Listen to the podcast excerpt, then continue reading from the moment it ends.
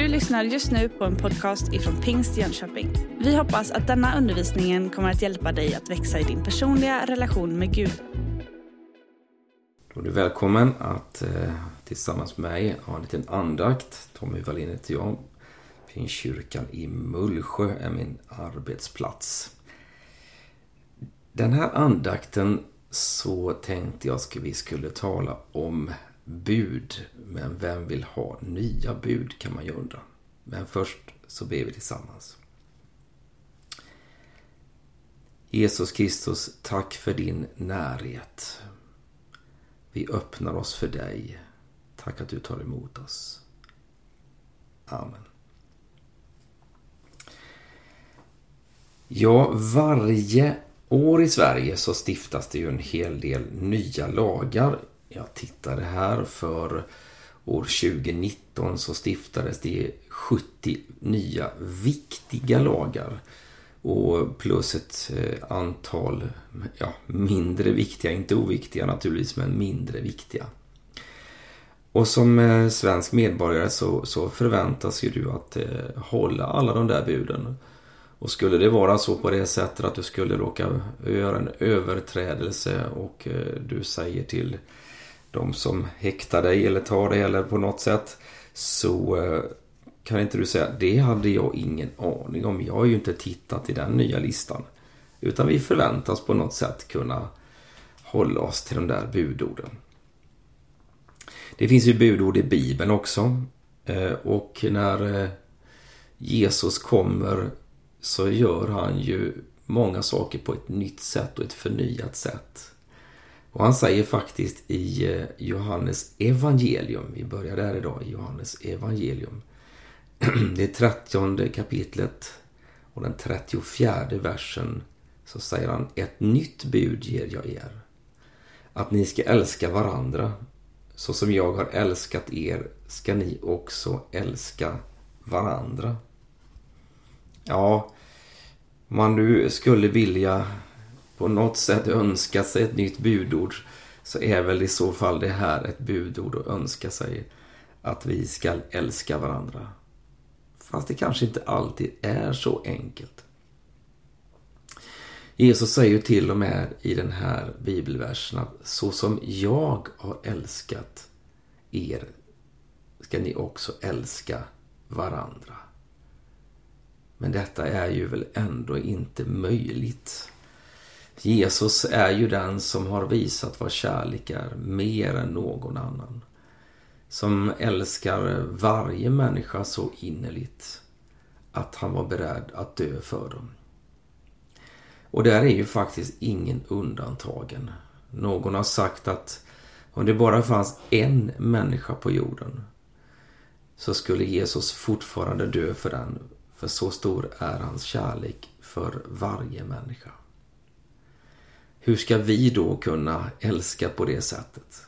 Ja, i vår ofullkomlighet så blir det naturligtvis svårt för oss. I vår egen kraft så går det ju absolut inte. Men om vi får eh, beröras av hans kärlek så kan våra liv förvandlas. Och vi kan se hur, hur, eh, ja, hur det som har varit hat kan förvandlas till kärlek. Många är exemplen och, och vittnesbörden på människor som har levt i eh, ett hat och en bitterhet som är oerhört stark och som har liksom invaderat och kontrollerat hela deras liv. Hatet kan ju vara en oerhört stark drivkraft som driver människor att göra de mest avskyvärda saker. Gång på gång blir vi ju förvånade över hatets kraftfullhet i att orsaka elände för andra människor. Men som väl är så ser vi gott om exempel och faktiskt, även om vi kanske inte tänker på det, så ser vi faktiskt dagligen många exempel på att Gud gör, eller att människor gör fantastiska saker i kärlek till varandra i utgivenhet för varandra. I dessa dagar som vi lever i när det här spelas in så är det ju i så kallade coronatider. Och många inom vården sliter ont på många sätt. Eh, och, men på det ena och på olika sätt så visar människor att man eh, uppskattar och vill göra väl i det här sammanhanget. Och, och, och eh, genom att ge gåvor och andra saker. Det görs ju när man tänker efter oerhört mycket gott varje dag. När Jesus talar om ett nytt bud och när Gud lägger fram det här för oss så kan man ju tänka just utifrån att det är omöjligt att eh, äh, men då, då är det ju kört. Om jag ska kunna leva upp till det här så eh, det kommer ju aldrig att hända. Det kommer ju inte att fungera. Eh, och då kommer ju Gud aldrig att älska mig om jag inte når upp till den här standarden. Men i Bibelns ord är det tvärtom.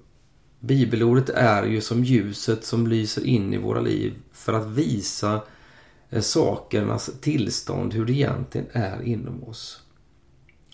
Att älska varandra och älska min nästa så som mig själv Eh, är ju ett erbjudande kanske mer än en, ja det är mer ett erbjudande än någonting vi kan leva upp till. Det det kan säga något om är just hur mycket av Guds kärlek som har fått genomsyra våra liv. När vi sedan fortsätter Johannes första brev så kan vi också läsa att det står i eh, andra kapitlets tredje versen. Att vi har lärt känna honom förstår vi av att vi håller hans bud. Här ser vi något av hemligheten i det vi läser om. När vi lär känna honom. Inte bara en ytlig kunskap, inte bara en akademisk knowledge så att säga, utan att vi verkligen får ett möte med den levande Jesus. Då gör det någonting med oss. Så då jag förstår det att vi har lärt känna honom förstår vi av att vi håller hans bud. Alltså det gör någonting med oss. Mötet med den levande Jesus har en förvandlande kraft med sig. Hans helige ande kan göra mirakel i ditt och mitt liv. Och då blir det inte budorden någonting som jag måste uppfylla i egen kraft och jag sitter och tänker åh, nej. Nu måste jag uppfylla det också. Och, och man kanske inte ens vill det. Man kanske vill göra saker som står emot Guds vilja. Eh, på, på olika sätt. Men när sanningen får lysa in i våra liv så får vi en vilja och en längtan. Och också av oss själva faktiskt gör det som är gott.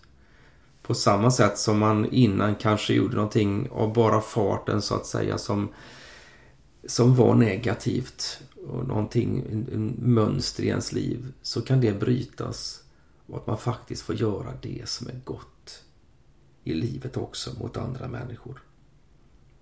Och här är det kristallklart. Om vi säger att vi älskar så har det gärningar.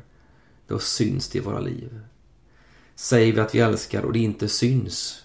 Ja, då säger bibelordet att då ljuger vi. Då ljuger vi för oss själva och för varandra också. Och då är vi kvar faktiskt i mörkret. Då har inte den där befriande kraften kommit. Då får vi backa tillbaka till igen, igen och eh, göra som i kapitel 1 där det står att vi får bekänna våra synder. Och då är han trofast och rättfärdig så att han förlåter oss. Idag får jag och du låta Guds förvandlande kärlekskraft genomsyra våra liv och förvandla oss inifrån och ut. Och han är nära dig just nu och hans kraft vill förvandla ditt liv. Vi ber. Jesus Kristus, tackar vi får följa dig. Tackar vi får följa dig i din uppståndelsekraft. Kom med din kärlek, förvandla mig. I Jesu namn. Amen. Du har just lyssnat på en podcast ifrån Pingst Jönköping. För att få reda på mer om vilka vi är och vad som händer i vår kyrka så kan du gå in på pingstjonkoping.se eller följa oss på sociala medier via pingstjkpg.